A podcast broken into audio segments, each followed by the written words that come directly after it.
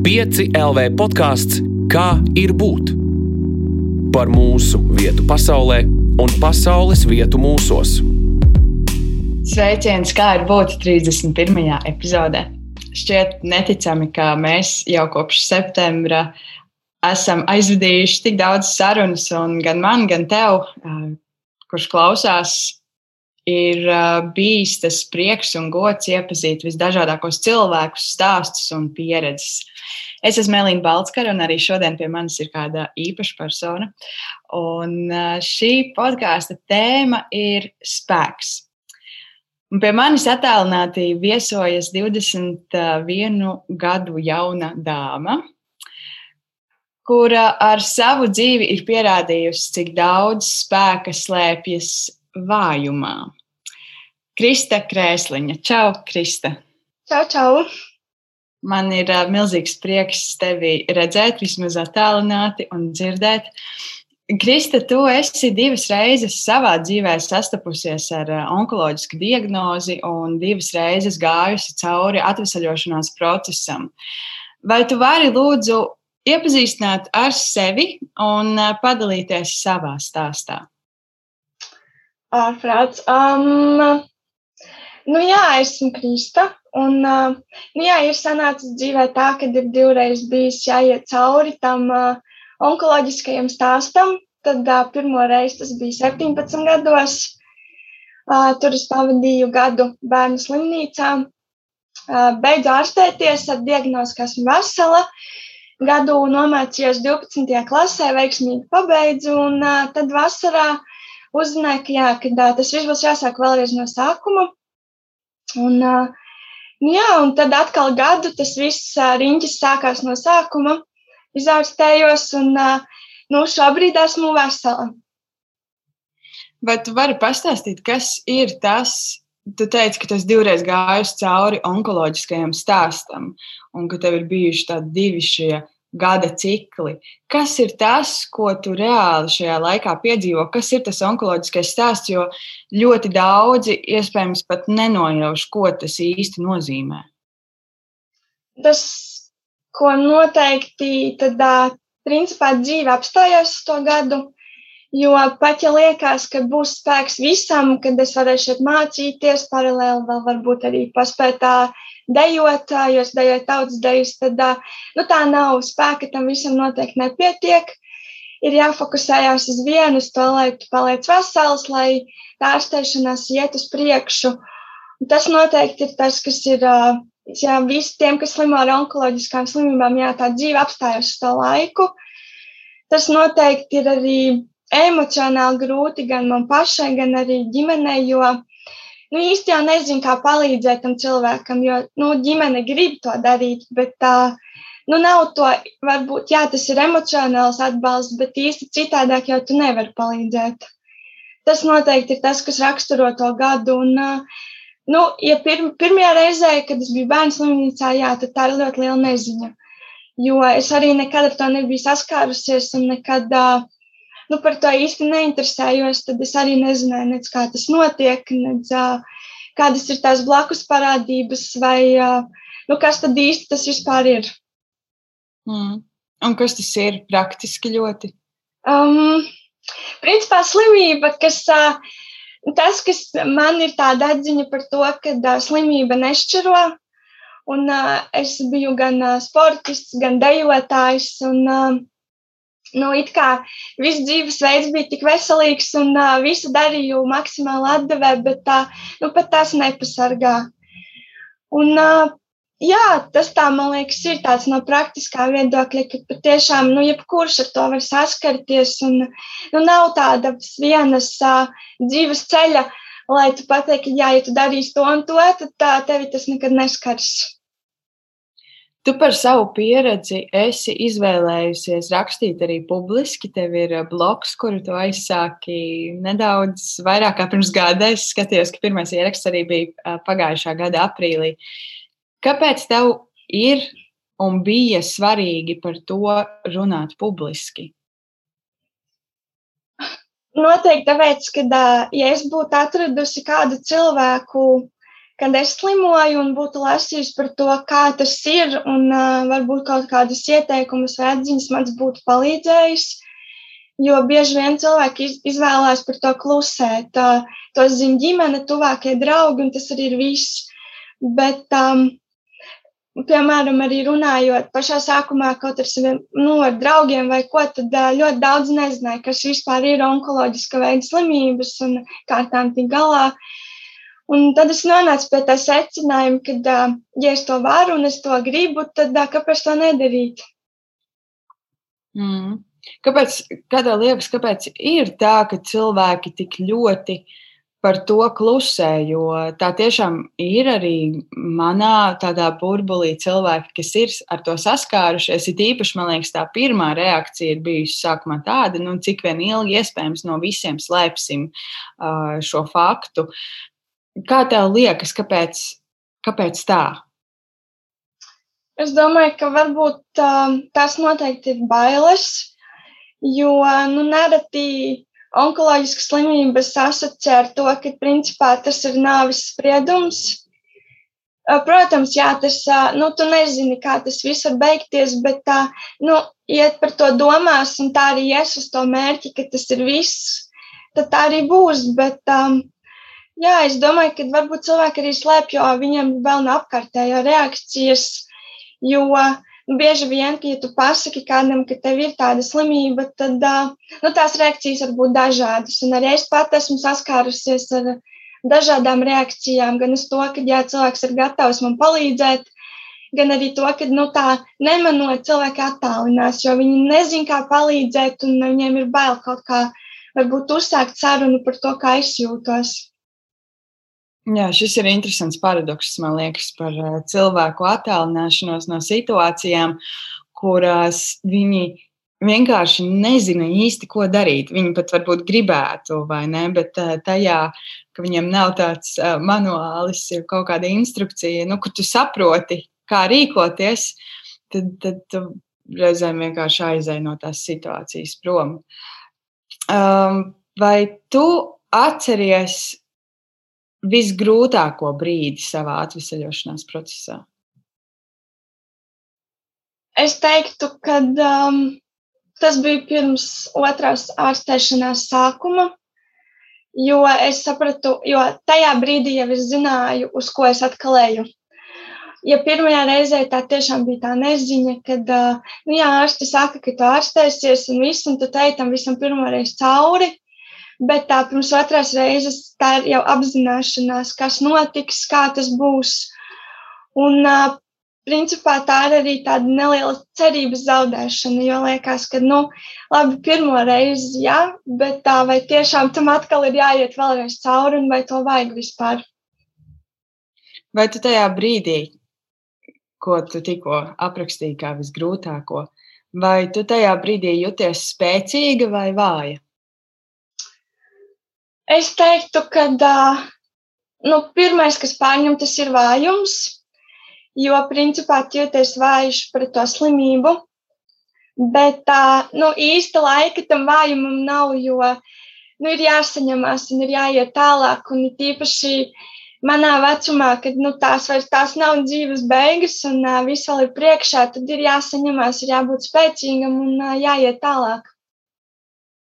Es domāju, šodien gatavojoties mūsu sarunai par to, ka tajos visgrūtākajos brīžos, kad mēs jūtamies ļoti, ļoti vāji, visticamāk, ja mēs paskatāmies, nu, ja es tev tagad aicinātu paskatīties uz to uh, brīdi atpakaļ, patiesībā tu jau saki, ka tu biji spēcīga, vai ne? Jo tev vienkārši nebija citu variantu. Tev bija spēks un droši vien arī apkārtējie cilvēki skatoties uz tevi tajā brīdī, visticamāk, neteica, Ai, Krista, cik tu vāja. Droši vien, ka teica, Krista, tu esi tik stipra vai ne? Tu esi tik spēcīga. Un kā tev liekas, kāpēc tā ir, ka mēs paši savā grūtībās mums liekas, ka mēs esam tik vāji, bet to spēku, kas mums ir īstenībā iekšā, vai nu ierauga tikai citi, vai nu arī mēs, bet ar kaut kādu laika distanci skatoties uz to atpakaļ? Es pieļauju, ka tas ir tāpēc, ka un tajā brīdī viss apkārt ir kā, nu, principā tas ir tāds pamata zaudējums zem kājām, un uh, tad šķiet, ka tā problēma ir lielāka par pašu. Un īsti jau varbūt pat apzinās to savu spēku, bet šķiet, ka uh, viņi neizmanto pilnībā. Un uh, tas kaut kādā ziņā varbūt arī nu, tas šķiet kā vājums reizēm, jo nu, ja tu izmanto to spēku pilnībā, tad varbūt viss būtu pilnīgi citādāk. Un, uh, es domāju, ka varbūt jā, tas ir tā, ka uh, tajā brīdī tas uh, nešķiet kā spēks, bet uh, tā problēma ir daudz lielāka par pašu. Mm. Tu arī savā blogā rakstīji, es palasīju nedaudz. Un uh, tur bija tāda frāze, ka tu aprakstīji, ka tu uh, ka tu sēdēji uz zemes un dusmojies uz sevi, ka tu nespēji būt tik stipra, cik tu vēlies.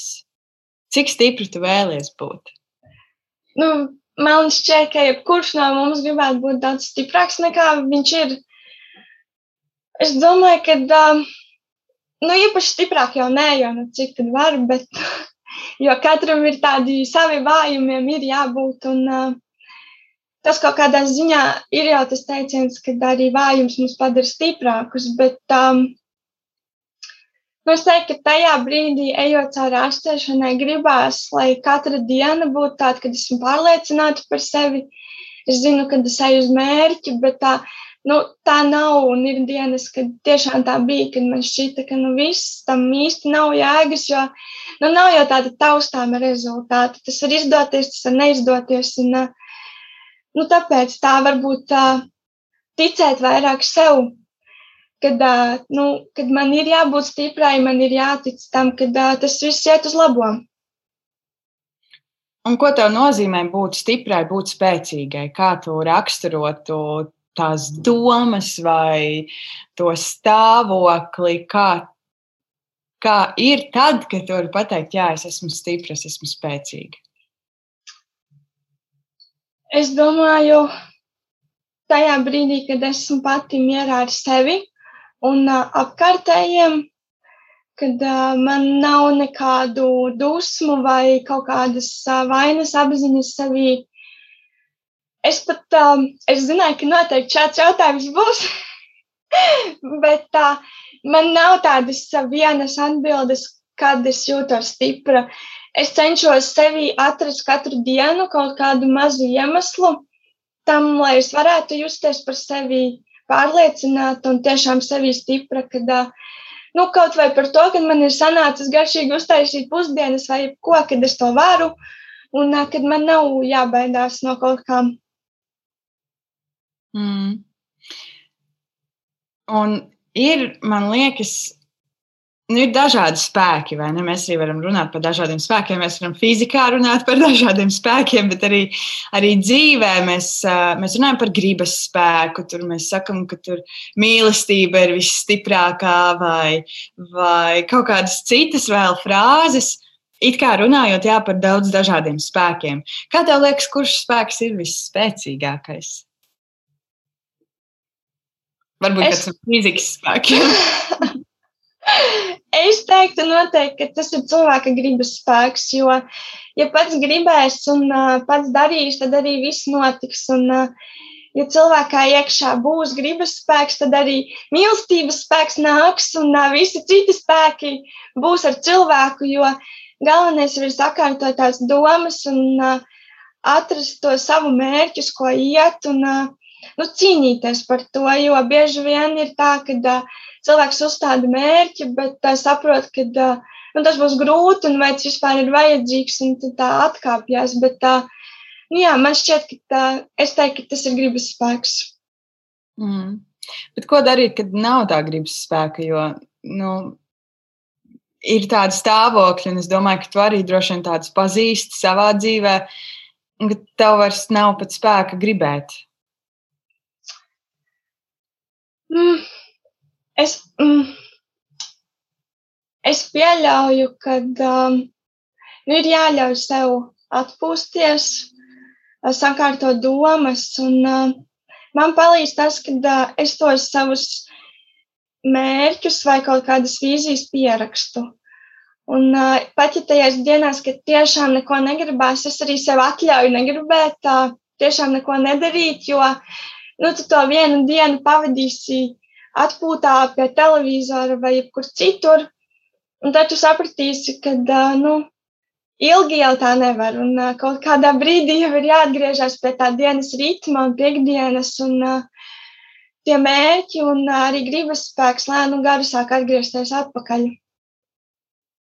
Šis ir interesants, kas saka par to pavadīt uh, dienu dīvānā guļot. Es esmu novērojusi to, ka man laikam ir tā, ka vajag uh, kaut kādu laika posmu. Tiešām vienkārši tik ļoti neko nedarīt, ka tas prāts aizmirst kaut kādus vecos pienākumus un vispārējo, un ieslēdzas kaut kādas, man liekas, jaunas prāta struktūras, kuras sāk domāt, ko forši padarīt, ko, ko jaunu izdomāt. Un tas ir ļoti reti. Tā sanāk, protams, aizņemtā ikdienā nonākt līdz tādam prāta stāvoklim, bet uh, tad liekas, ka ir tāda jauna iedvesma tiešām gribēt un, un, un darīt. Tu teici, ka tev palīdz pierakstīt. Vai ir vēl kaut kas, ko tu izmanto, lai uh, stiprinātu savu gribas spēku? Nu, tā noteikti ir tā pati rakstīšana. Mm, Es teiktu, ka um, man ļoti patīk atrasties dabā, un uh, nu, es sajūtu to dabas spēku, ka tas tiešām uh, var uzlādēt tās baterijas, un uh, nu, tas palīdz. Bet um, man arī palīdz izšūšana, jo tajā brīdī es pilnībā ne par ko citu nedomāju, kā tikai to vienu darbu, ko esmu uzņēmusies. Un, uh, man palīdz atbrīvot prātu. Un tajā brīdī, kad es ne par ko nedomāju, tās domas pašas kaut kā nemanot sakārtojās. Un tas gribas spēks kaut kā nāk atpakaļ, jo tad ir taustāms rezultāts. Tu redzi, ka tas darbs ir padarīts un kad es varu arī daudz ko citu paveikt. Mm. Tu stāsti par to, kā, kā ir būt spēcīgai, kā rast spēku, kas ir spēks, bet kā ir būt vājai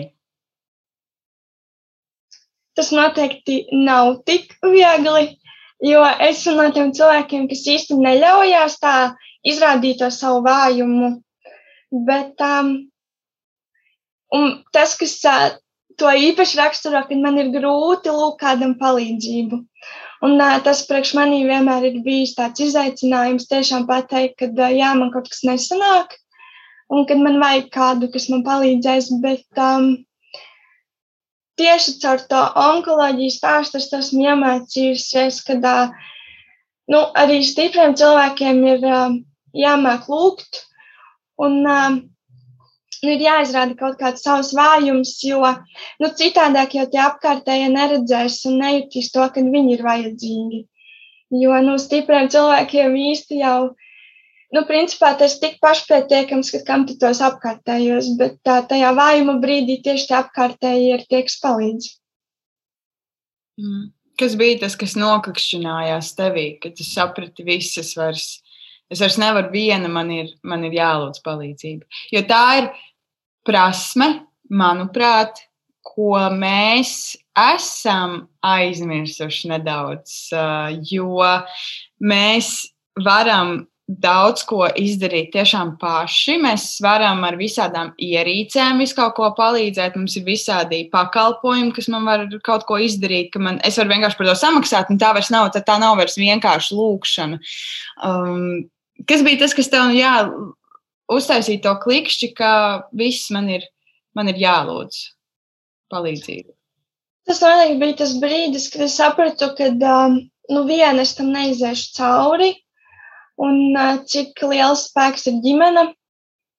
Um, jo nu, viens, protams, viens nekad nav cīnītājs. Un, uh, nu, tas ļoti palīdz, un tas palīdz arī saņemties patiesībā, jo nu, ģimenes dēļ ik viens no mums būtu gatavs darīt daudz. Un, uh, nu, ja tu jūti to atbalstu blakus, tad uh, gribās palūgt vairāk, tu, piemēram, samīļot mani vai jebko citu. Un uh, tīri no tāda fiziska viedokļa tas bija brīdis, kad uh, man tika veikta operācija, un uh, es nespēju pati neko tā baigi izdarīt. Un, uh, parasti esmu es pati visu, un uh, viss kārtībā, bet uh, nu, tajā brīdī tu saproti, ka tu īsto roku, piemēram, pacelt nevari, tad uh, nu, ir jāiet un jālūdz, kad, uh, nu, piemēram, tu palīdzi man tur uzvilkt kraklu vai ko citu, un nu, ir jāpārkāpj savu pāri, un uh, jāsaprot, ka apkārtējie jau grib tikai to labāko. Mēs iepriekš arī runājām par to, cik reizēm cilvēki, nezinot, kā palīdzēt, nu, attālinās kaut kādā veidā. Kā tev liekas, mēs, cilvēki, kuri nezina, kā palīdzēt, varam būt noderīgi par spīti tam, ka mēs nesaprotam, nu, kā, kā rīkoties. Es nezinu, es, es gribu, piemēram, es redzu, ka cilvēks ir grūtībās, cilvēks uh, iet cauri. Uh, kādai sarežģītai situācijai, es nezinu, kā palīdzēt un ko man darīt tā vietā, lai es novērstos? Nu, noteikti pirmais ir uh, pajautāt tam cilvēkam, vai viņš vispār vēlas to palīdzību, vai to atbalstu tik daudz, jo nu, bija brīži, kad uh, nu, šķiet, ka tagad viss tagad atļauj man pabūt vienai, kad nu, nevajag tik daudz tos cilvēkus blakus, bet uh, galvenais ir nenovērsties un kaut vai reizi mēnesī, bet uh, atgādināt par sevi, ka tu esi un ka tu esi gatavs palīdzēt. Un bieži vien palīdz arī tas, ka tev uzraksta tikai, piemēram, kā tev iet, vai tev viss ir kārtībā. Uh, Jo tad tu zini, ka tas otrs par tevi piedomā, un pat viņš nerakstīs, vai nezvanīs, vai neapciemos tik bieži, bet tā, tā sajūta, ka uh, tev ir blakus, paliks. Mm. Kā tev liekas, vai ir kaut kādas reizes, kad par daudz spēka nodara pāri? Es teiktu, ka jā, jo tā ir tā vienmēr cen, cenšanās visu darīt pašam, un uh, reizēm par daudz sevi varbūt pat kritizēt. Un uh, tas, es neteiktu, ka tas varbūt var nodarīt pāri, bet uh, tas iespēdo to pašsajūtu un uh, ikdienu, jo vienmēr viss ir jādara uz maksimumu. Un, uh, Nu jā, vienmēr gribas būt tam stiprākajam un neizrādīt uh, to, ka varbūt reizēm ir grūti. Mm, jā, es teiktu, tas nedara gluži pāri, bet uh, tas ietekmē to, kā ikdiena norisinās. Mm. Vai tas nozīmē, ka spēku vajadzētu kaut kā kontrolēt? Noteikti. Un uh, ir jābūt, es pieļauju, ka. Uh, ir jāzina, cik daudz un kādās situācijās tā labāk izmantot un kaut kā efektīvāk, jo nu, ar spēku, nu, tikai ar spēku tālu netiks. Un, protams, ir labi, ja cilvēka raksturā ir tas spēks un viņš ir spējīgs uz visu iet cauri, bet um, nu jā, ir kaut kādā brīdī varbūt vairāk jāatslēpst un jāizrāda tas, ka uh, arī spēcīgie var būt vāji. Mm. Tu, tu teici, efektīvi vajadzētu izmantot. Kāda tavuprāt būtu, būtu efektīva spēka kontrole? Nu, kā efektīva spēka izmantošana ikdienā? Mm, es teiktu, vairāk um, fokusēties uz tām lietām, kur tas rakstura spēks ir vajadzīgs, un uh, vairāk atslēpt tur, kur tas īsti nav jāizmanto tik ļoti, un uh, izrādīt tās savas, jo reizēm aiz spēka var paslēpt daudz emocijas un izrādīt vairāk to, kā patiesi jūtās. Es domāju, tā to saprast, kuros brīžos tas ir vajadzīgs un kuros varbūt uh, to spēku tā bišķi piezumēt. Kuro, kur ir tie brīži, kuros ir vajadzīgs, un kur ir tie brīži, kad to piezemēt, lai nesanāk, ka mēs runājam tā ļoti abstrakti, vai tu vari konkrēti kaut ko minēt? Noteikti tas būtu laiks ar ģimeni, kad to spēku tā palaist vaļā, jo tajā brīdī ir vajadzīgas īstas emocijas. ir vajadzīgs arī tas vājums reizēm, lai tu spētu pateikt, kā patiešām cilvēks otrs jūtās. Un tas, kur varbūt vairāk tā sevi savākt, ir kaut kāds uh, tīri darbs, piemēram, tas pats studiju darbi, kad, uh, nu, lai cik ļoti negribētu, ar sevi ir jāpārvar, sevi ir jāmotivē un uh, jāiet uz priekšu. Baigi interesanti, tu saki, ka man ļoti patīk tas, ko tu iepriekš teici. Tu minēji, ka ļoti daudz emocijas ir iespējams noslēpt aiz spēka. Vai tu vari nedaudz šo paturpināt? Un pēc tam man ir, es uzreiz pierakstīju tādas divas frāzes, bet sāksim ar šo. Vai tu vari nedaudz pastāstīt vairāk, ko tu domā? Ko mēs varam noslēpt aiz spēka? Un vai tas spēks, aiz kuru mēs slēpjam, ir īsts? Es teiktu, ka aiz tā spēka var noslēpt jebkuru emociju, bet pārsvarā jau tās, kas ir kaut kādas bailes, neziņa. Jo nu, no ārpuses tā čaula ir tāda stipra un spēcīga un izstāsta, ka viss ir kārtībā, bet tā iekšēji cilvēks var būt pat tā, nu, ļoti izmisis. Viņš īsti nezina, kas notiks, kā būs, un tās ir liels bailes, bet tā, no ārēji to nekad neviens nepateiks. Un tad ir tas mans jautājums, vai tas, tas spēks, aiz kura, aiz kura mēs slēpjam, ir īsts spēks. Jo tas, ko vēl tu teici, ka tās ir tās reizes, kad ir vajadzīgs nu, tāds vājums, lai pateiktu, kā patiešām es jūtos. Vai nav tā, ka ir otrādi? ka varbūt vājums ir slēpties aiz uh, mākslīgas spēka, tāda ārēja spēka veido, es esmu tāds spēcīgs un stiprs. Un īstais spēks ir aiziet pie kāda un padalīties savā vājumā. Ja agrāk es teiktu, ka tas ir spēks, ka tu vari neizrādīt to, kā tu jūties, tad uh, nu, pēc visa tā, kam ir iet cauri, tad es noteikti varu teikt, ka jā, tas noteikti nav vājums. Iet pie kāda un pastāstīt, kā patiešām ir. Jo bieži vien daudz lielāku spēku prasa tas, lai tu pateiktu, kad ir grūti. Un, un tas vājums var arī jā, parādīties tajā, ka tu pateiksi, nu, kad pateiksi, nē, man to nevajag, jo, nu, priekš kā man jau nevajag citu palīdzību, bet uh, atrast sevī to spēku, tiešām pateikt, ka uh, ir grūti un uh, ir vajadzīgi tie blakus cilvēki.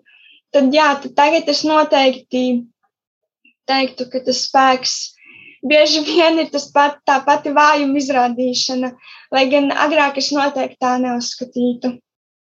Mm. Un kāpēc tā liekas, ka mēs cilvēki redzam to sevis izpaušanu vai teikšanu, kā tu patiešām jūties. Mm, vai to, ka kāds cilvēks pasaka, ka man ir grūti. Kāpēc mums ir pirmā asociācija, ka tas ir vājums? Es jo tas ir tā, kā tu saki, ka tas ir milzīgs spēks. Nu, cik grūti var būt pateikt, ka ir grūti. Tas taču ir grūti. Līdz ar to, ja tu to izdari, tu esi super spēcīgs. Es teiktu, ka um, daudziem tas šķiet vāji, jo jāsāk ar to, ka daudzi domā, ka tas nemaz cits neinteresē. Nekā tev iet pašam, nekā tu īsti jūties. Un tā ir tā lielākā pārvarēšana, saprast to, ka nu, nav jau tā, ka nevienu tas neinteresē. Un um, tas varbūt kāpēc tas citiem šķiet vāji, jo nu, mūsdienās nav īsti pieņemts runāt par to, kā tad mēs patiesi jūtamies, jo tas viss iet kaut kā tālāk un uh, bieži vien tā komunikācija tieši notiek caur kaut kādiem sociālajiem tīkliem. Un, ja tu to publiski pateiksi, ka tev ir grūti, ka tev ir smagi, tad uh, tu īsti nezini, ko pārējie par tevi sāks domāt. Un tieši varbūt būs tā sabiedrības daļa, kas pateiks, jā, tu tagad esi vājš, jo tev ir grūti. Un kā tā var būt, ka kādam ir grūti, jo taču visiem ir grūti. Un tas ir vēl jo interesantāk. Ja visiem ir grūti, Bet kāpēc mēs nevaram dalīties tajā? Ja, ja tas būtu kaut kas tāds ekstra, kaut kas ārpus kārtas, bet nu, mums katram tiešām ir savas grūtības, vai ne? Un līdz ar to, ja kāds cilvēks publiski dalās ar to, ka viņam ir grūti, tas drīzāk vajadzētu to pieņemt, o, nu tā ir daļa no, tā ir daļa no dzīves, vai ne? Nevis uzlikt zīmogu šim cilvēkam, ka tas ir kaut kāds, kuram tur ir kaut kas grūti. Nu, tā ir jā, bet um, nu, tas, kas ir tā tieši novērots, kad um, nu, cilvēki necenšas dalīties tā ļoti ar savām problēmām vai ar to, kas viņiem dzīvē notiek, ne no labās puses, jo nu, tā dalīšanās ar problēmām pašai notiek tādos kritiskos brīžos, kad tiešām ir vajadzīga palīdzība. Bet um, nu, galvenais jau, manuprāt, ir saprast, ka jā, mums katram ir savas problēmas, bet um, nu, būs cilvēku daļa, kas priecāsies, varbūt pat ieraudzīt, ka viņam vienam neiet tik grūti, kad uh, ir cilvēki ar tādām pašām vai līdzīgām problēmām. Un, protams, būs vienmēr cilvēki, kuriem liksies, ka nu, man jau pašam ir tik daudz problēmu, un tu te vēl lieti savas problēmas. Bet tā galvenais jau ir fokusēties uz tiem, kam tas būs noderīgi. Tad, kad tu sāki publiski dalīties savā stāstā un, un dalīties savos pārdzīvojumos, vai tu novēroji kaut kādas īpašas reakcijas? Kas bija tas, kā tā cilvēku grupa, kas to lasīja, kas dzirdēja to tavu stāstu, kā viņi to uzņēma? Kāda bija viņu reakcija? Mm, bija cilvēki, kas rakstīja paldies par to, kas dalos, jo tā tiešām ir informācija, ko īsti nu, nekur neatradīs. Un, uh, bieži vien uh, rakstot tajā pašā Google un meklējot par to, kas tas īsti ir, pirmais, kas lec ārā, ir visādi šausmu stāsti, cik tas patiesībā ir grūti un uh, ka tā tiešām ir, uh, teiksim, tā pēdējie dzīves gadi, tad Nu, jā, tas pārsvarā bija tas paldies par to, ka nu, var ieraudzīt to citu stāstu pusi un saprast, kā tad ir tajā ikdienā. Mm. Tu tikko teici, ka tas pirmais stāsts, kas izlaiž internetā, ierakstot, ka tas ir ļoti grūti un tie ir pēdējie dzīves gadi. Es uzreiz iedomājos, ka tev ir 17, un tu ieraksti to internetā, un tu to izlasi. Tev arī bija tā, ka tev likās, ka viss tie ir pēdējie tev dzīves gadi es neko nerakstīju internetā, jo es zināju, ka tad uh, es kaut kādas savas expectācijas vai ko citu daudz saboju, nu, vairāk sabojāšu. Un kad uh, es uzticējos tam, ko man saka ārsti, jo, nu, manuprāt, viņi ir daudz kompetentāki nekā tas, kas ir redzams internetā. Un, uh, nu, jā, protams, bija jau kaut kādi dzirdētie stāsti par to, kā tas ir. Un arī vecāki, nu, vecāki gan pirmais, kas bija, tas bija, aš ierakstīsim internetā, kas tas īsti ir, ko gaidīt, un tad uh, viņi gaidīja vissliktāko. Gan visas tās drausmīgās blakus parādības, gan visu pārējo. Bet, uh, nu jā, es centos uh, izvairīties no tā, ka es kaut kur meklēju kaut kādu informāciju. Bet mums, es uzreiz man pilnīgi galvā, galvā tiešām tinās visādas bildītas par Holivudas stāstiem, par onkoloģiskajām saslimšanām, gan cilvēkiem gados, gan ļoti jauniem cilvēkiem. Uh, dažādi tiešām mākslas darbi visās uh, iespējamās formās.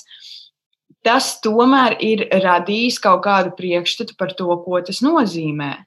Kā tev liekas, vai tas priekšstats atbilst realitātei, vai nav tā, ka mēs esam nedaudz aizvirzījušies ar tiem Holivudas stāstiem par onkoloģiskajām saslimšanām no realitātes? Es domāju, ka diezgan daudz ir. Tas viss ir tālu no realitātes. Jā, protams, ir cilvēki, kuriem tas ir ļoti grūti, un tās blakus parādības ir lielas pēc ārstēšanās, bet tā, Galvenais jau ir saprast to, ka katrs mēs esam savādāks un arī ārstēšanās katru iespaidos pilnīgi citādāk. Un, uh, es teiktu, ka uh, interneta vide ļoti ir sama, nu, izbojājusi, es teiktu, tā to priekšstatu par to, kas ir onkoloģija. Jo nu, tas nevienmēr būs tik traģiski. Un, uh, principā tas tiek pasniegts patiešām kā tāds šausmu stāsts par to, ka, uh, ja tu tajā visā tiec iekšā, tad īsti cerība tikt ārā vairs nav. Bet um, nu, tieši tā iemesla dēļ es īsti nepaļāvos ne uz ko, kas ir rakstīts kaut kur internetā, bet tieši uz to, ko man saka ārsti un kā es pati jūtos. Mm. Kāds ir spēcīgākais, vājais cilvēks, ko tu pazīsti? Vai tev ir kāds? Ārprāts. Es pēdējā laikā sekoju ļoti līdzi Rojam Rodžeram. Un uh, es teiktu, ka Es pieļauju, ka tā, ja no tādiem tiešām plaši zināmiem cilvēkiem, es teiktu, viņš, jo nu, viņš arī iet ar savu viedokli, ar savu dzīves stilu un uh, to savu pārliecību. Un es uzskatu, jā, viņš ir spēcīgs cilvēks, bet noteikti ar savām vājajām pusēm un to savu vājumu arī kaut kā izmanto tā, lai tas būtu efektīvi. Mm. Kā tev liekas, kāda būtu spēcīga sabiedrība, ja mēs to spēku tagad pārnesam no tāda individuāla jau uz tādu kolektīvāku līmeni, kas raksturot spēcīgu sabiedrību? Es teiktu, ka sapratne un tā spēja būt empātiskam, jo jau atsaucoties tiem pašiem sociālajiem tīkliem, tad uh, nu, bieži vien cilvēki nespēja iekāpt otra kurpēs un uh, uzreiz jau metās komentāru sadaļā un brūk virsū par to, ka kā tu tā, tavs viedoklis nav pareizs. Bet uh, vienmēr būs cik cilvēku, tik viedokļi un spēt kaut kā to saprast un uh, nebaidīties paust viedokli, bet spēt pieņemt arī to, ko saka otrs. Man liekas, ka tā būtu liela, vērtība. Jā. Kādā liekas, kur mēs esam pazaudējuši to empātiju? Jo es noteikti varu piekrist tev tajā, ko tu saki. Un it īpaši tagad, pandēmijas laikā, man liekas, tas ir īpaši izgaismojies, cik ļoti mēs nespējam ieklausīties viens otrā. Kas, kas ir noticis? Kur, kur mēs esam to zaudējuši?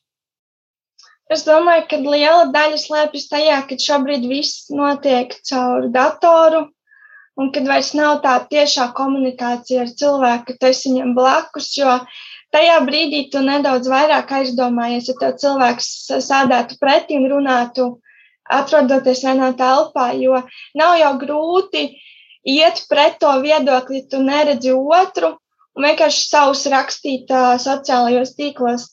Nu, to var jebkurš, bet tajā brīdī, kad um, cilvēks ir vienā telpā un viņš jūt to otru cilvēku, tad es domāju, ka um, tad uh, arī otrs kļūtu tāds nedaudz piezemētāks un saprastu, ka, um, nu, jā, ir, ir mans un ir tavs viedoklis, bet uh, kaut kāds vidusceļš vienmēr ir.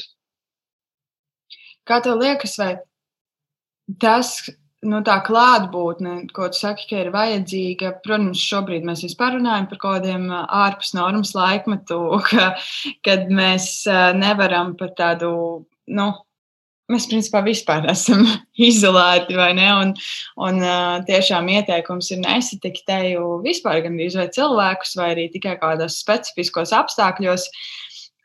Tā ir problēma, protams, bet vai tev liekas, ka tā ir problēma, kas bija aktuāla arī pirms pandēmijas, ka mums trūka klātbūtnes? Es domāju, ka jā, bet tā, tas izpaudās citā veidā, jo tad cilvēki vairāk skrēja savos ikdienas darbos, neapstājās, strādāja, un tā bija liela rutīna. Un tas bija tas šķērslis, kas nu, neatļāva satikties, jo tad bija darbi, citi pasākumi, un tā principā ir saplānota jau visa nedēļa. Un šobrīd tas ir pilnīgi cits veids, kā mēs nevaram satikties, bet es domāju, ka tās izpausmes ir diezgan līdzīgas. Mm.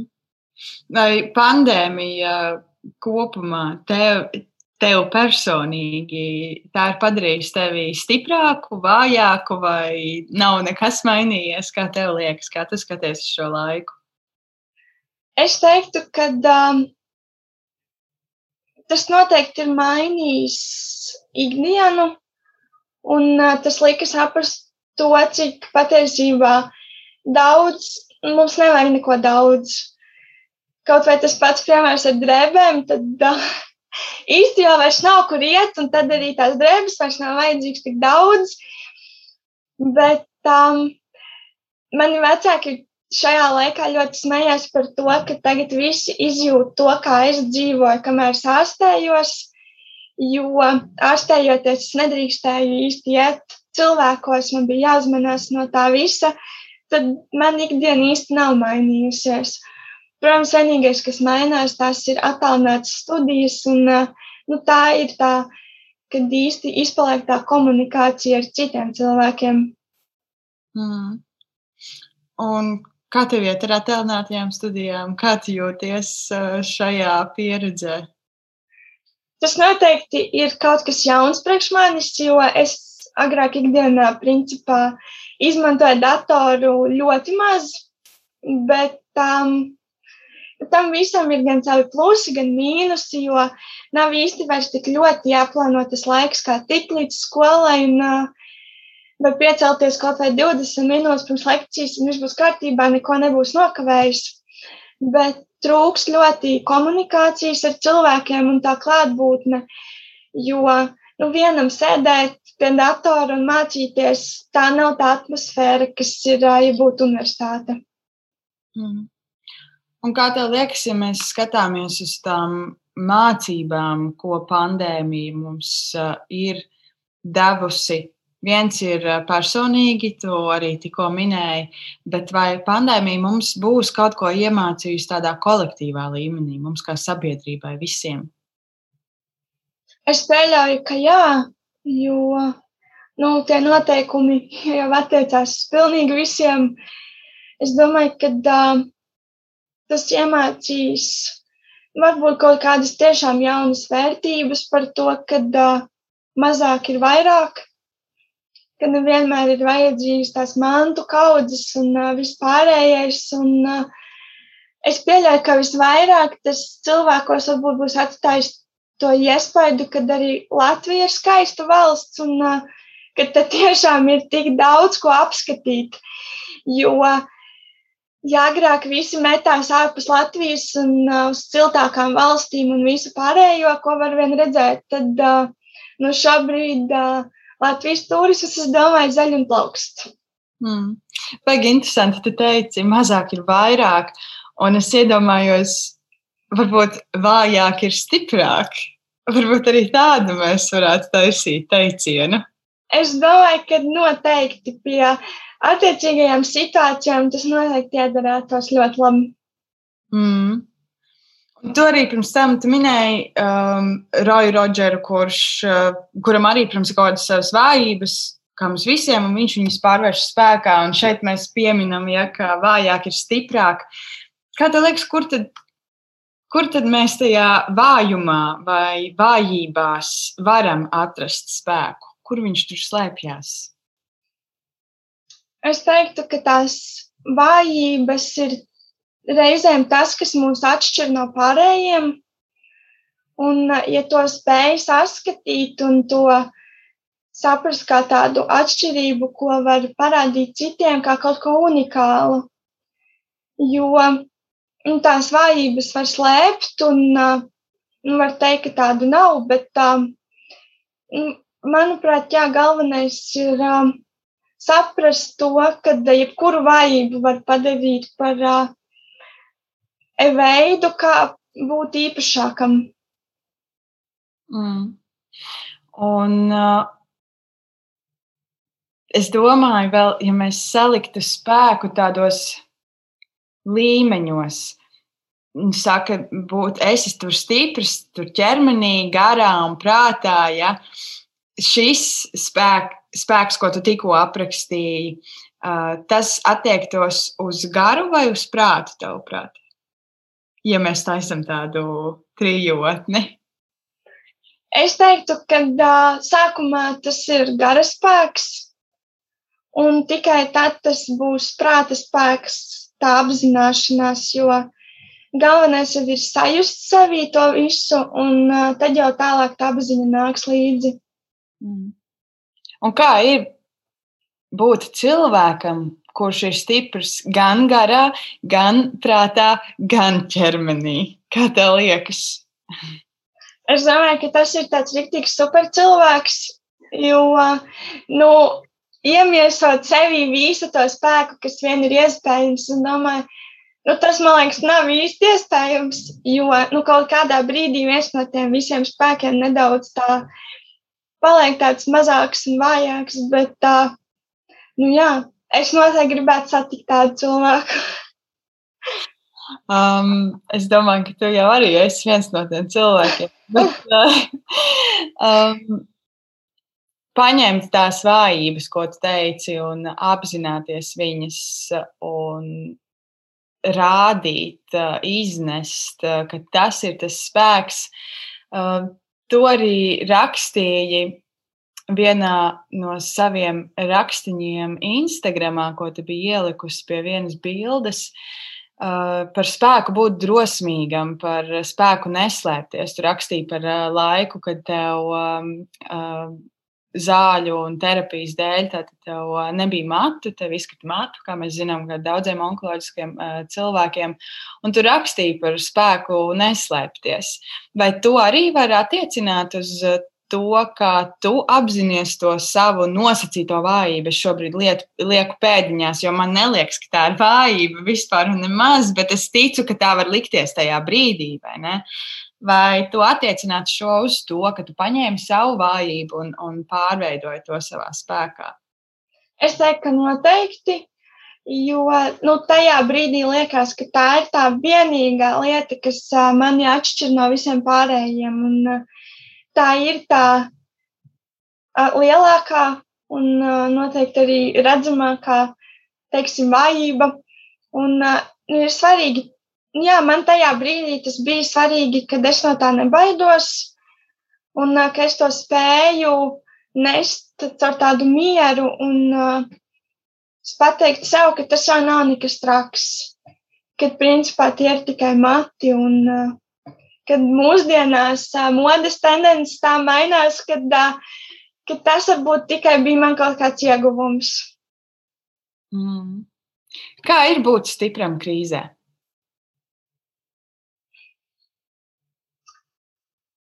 Mm. Tas noteikti nav viegli, jo ir daudz iemeslu, lai tāds nebūtu. Bet um, es teiktu, ka varbūt pat tas nav īsti kaut kā tāds izteikts spēks, bet tā, tā ir vēlme iet uz to, lai tas viss ātrāk beigtos un lai tas ceļš caur to visu nebūtu tāds tumšs un nomākts. Un, nu, lai arī no katras tās ārstēšanās varētu ņemt kaut ko līdzi, kas ir arī tāds priekpilnāks. Un tagad es apgriezīšu šo jautājumu bišķiņ kājām gaisā. Un uh, es tev pirms tam prasīju, kā ir būt stipram krīzē, kā ir būt vājam uzvarā.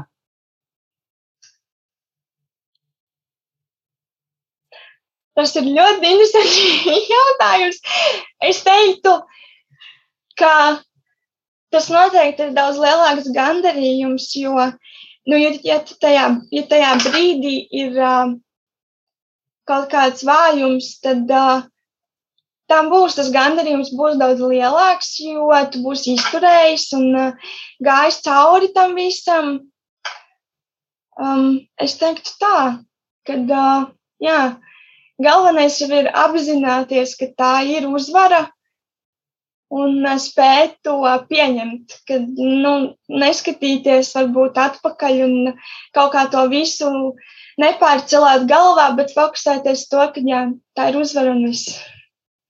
Nu, šis ir arī ļoti interesanti. Man liekas, ka cilvēkiem nereti ir grūti apzināties savas uzvaras. Respektīvi, um, tas arī kaut kas tāds, ko nereti ir vieglāk saprast ar atpakaļējošu termiņu. Skatoties uz aizmuguri, tas var ieraudzīt, jā, nu, tajā brīdī patiesībā nu, es biju kaut kādā kalna virsotnē, ja, vai kaut kādu aizu tikko pārvarējis.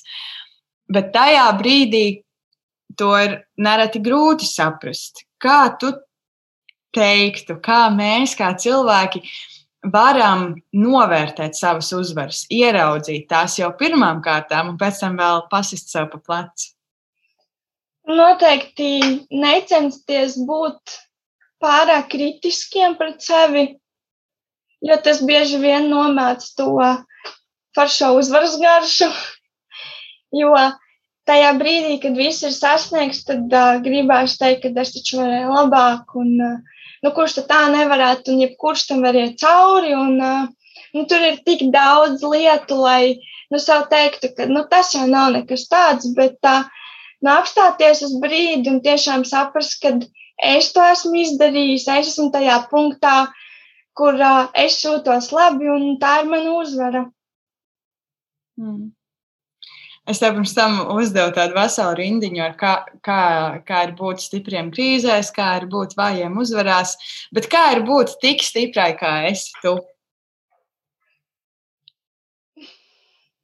Es noteikti sevi nekad neesmu uzskatījusi par nu, tik stipru cilvēku, jo man šķiet, ka jebkurš tam varētu iet cauri.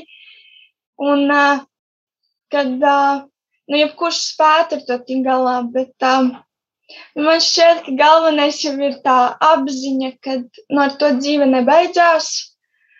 Un uh, spēt ieraudzīt tajā visā kaut kādu lielāku mērķi. Un, uh, nu, tas, ko es sev tā beigās teicu, ka jā, varbūt tam visam bija jānotiek ar mani, lai uh, es spētu par to rakstīt, lai citi par to varētu uzzināt. Un varbūt uh, nu, tāds bija tas plāns, ka tieši es Mm. Un skatoties uz visu, ko tu esi piedzīvojusi, un, un ko tu vēl turpini piedzīvot, un mēs kaut kā daudz arī runājam, protams, par to tavu pieredzi tieši ar saslimšanu, bet uh, tas jau nav viss, kas tu esi? Tu taču uh, tu studē psiholoģiju, kā tu man pirms tam stāstīji, tāpat arī gatavo tēstu, dejo un, un, uh, un dari tik daudz, un esi darījusi. Visu savu dzīvi tā laižot pa filmiņu uz rīņķi, kur tevī mīt vislielākais spēks? Kur tieši, kā tu teiktu? Es teiktu, ka līdzcilvēkos, jo, ja apkārt nebūtu tādu cilvēku, kas pamudina vai kas liek iet un darīt kaut vai to pašu rakstīšanu, nu es pati varbūt tā, es būtu daudz ilgāk saņēmusies un sevi uzdevusi daudz jautājumus, vai to vispār vajag, kā vai kāds to lasīs, bet, uh, ja ir kas pamudina un ir kas pasaka, ka jā, tieši tev tas ir jādara un tu to varēsi un tu to izdarīsi, tad nu, rodās tāda pārliecība par sevi. Un, jā, es teiktu, ka tas mans spēks slēpjas līdz cilvēkos. Baigi interesanti, jo es tev nākamais, ko es tev gribēju prasīt, ir vai un kā tu dalies ar to spēku. Un tad es domāju, ja viņš slēpjas līdz cilvēkos, viņi jau, viņi jau ir tur. Bet varbūt tu kaut kā dalies ar savu spēku. Noteikti es domāju, caur rakstīšanu tu arī dalies ar savu spēku, bet, bet varbūt tu vēl kaut kā dod apkārtējiem to, kas ir tevī. Mm, es teiktu, reizēm caur ēdienu, jo man patīk, ka Es to nedaru bieži, bet tā, manī ir tāds mazs prieciņš par to, ka apkārtējiem vienmēr garšo. Un, uh, tas noteikti manī ceļ tādu pašapziņu, ka jā, es to varu, es to māku. Un, jā, tā ir tā rakstīšana, kas tā jau ir tāda lielāka varbūt izpausme, kurā es spēju dot arī cilvēkiem, ko es īsti nepazīstu. Un, uh, jā, es teiktu, tās ir tās lietas. Un noslēdzot uh, mūsu sarunu pēdējā laikā, kā ir būt podkāstos, mums kaut kā beigās Es vienmēr prasu kaut ko novēlēt, vai ieteikt, vai kaut kā citādi. Un, un es izmantošu arī šo reizi, jo tev ir īpaša pieredze, un tu noteikti spēj katram cilvēkam dot vienu padomu par to, kā atrast to spēku sevī. Kur, kā viņu meklēt, kur viņu meklēt, kas būtu tas pirmais solis, kas katram tavuprāt būtu jāveic, lai atrastu? Noteikti sākt ar to, lai katrs ir mierā ar sevi, jo šaustot sevi vai kaut kādā veidā kritizējot, to spēku nekad ne, netradīs. Tas vienmēr vilks uz leju. Un, jā, motivēt sevi, varbūt izvirzot kaut vai mazus, bet tā, sev nozīmīgus mērķus, ko iet. Un, tas rada to spēku, kad tu redzi kaut kādu tam visam iznākumu. Mm.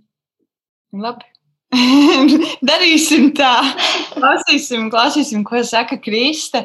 Un, uh, un meklēsim spēku sevi, meklēsim arī spēku būt vājiem un atcerēsimies. Es šito pierakstīšu sev, ka mazāk ir vairāk un vājāk ir stiprāk vai spēcīgāk. Tur jāizdomā, kā labāk noformulēt.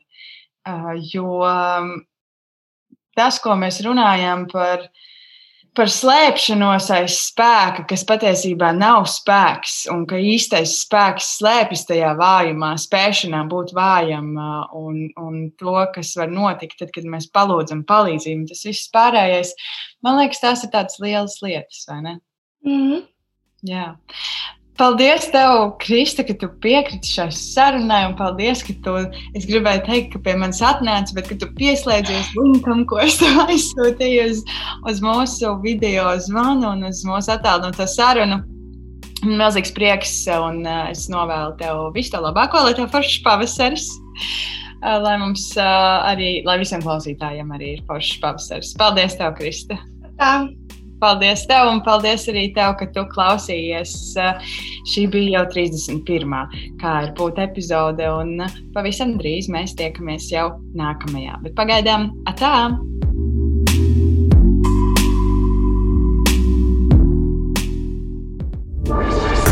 Projekts tapis ar Eiropas parlamenta finansiālo atbalstu.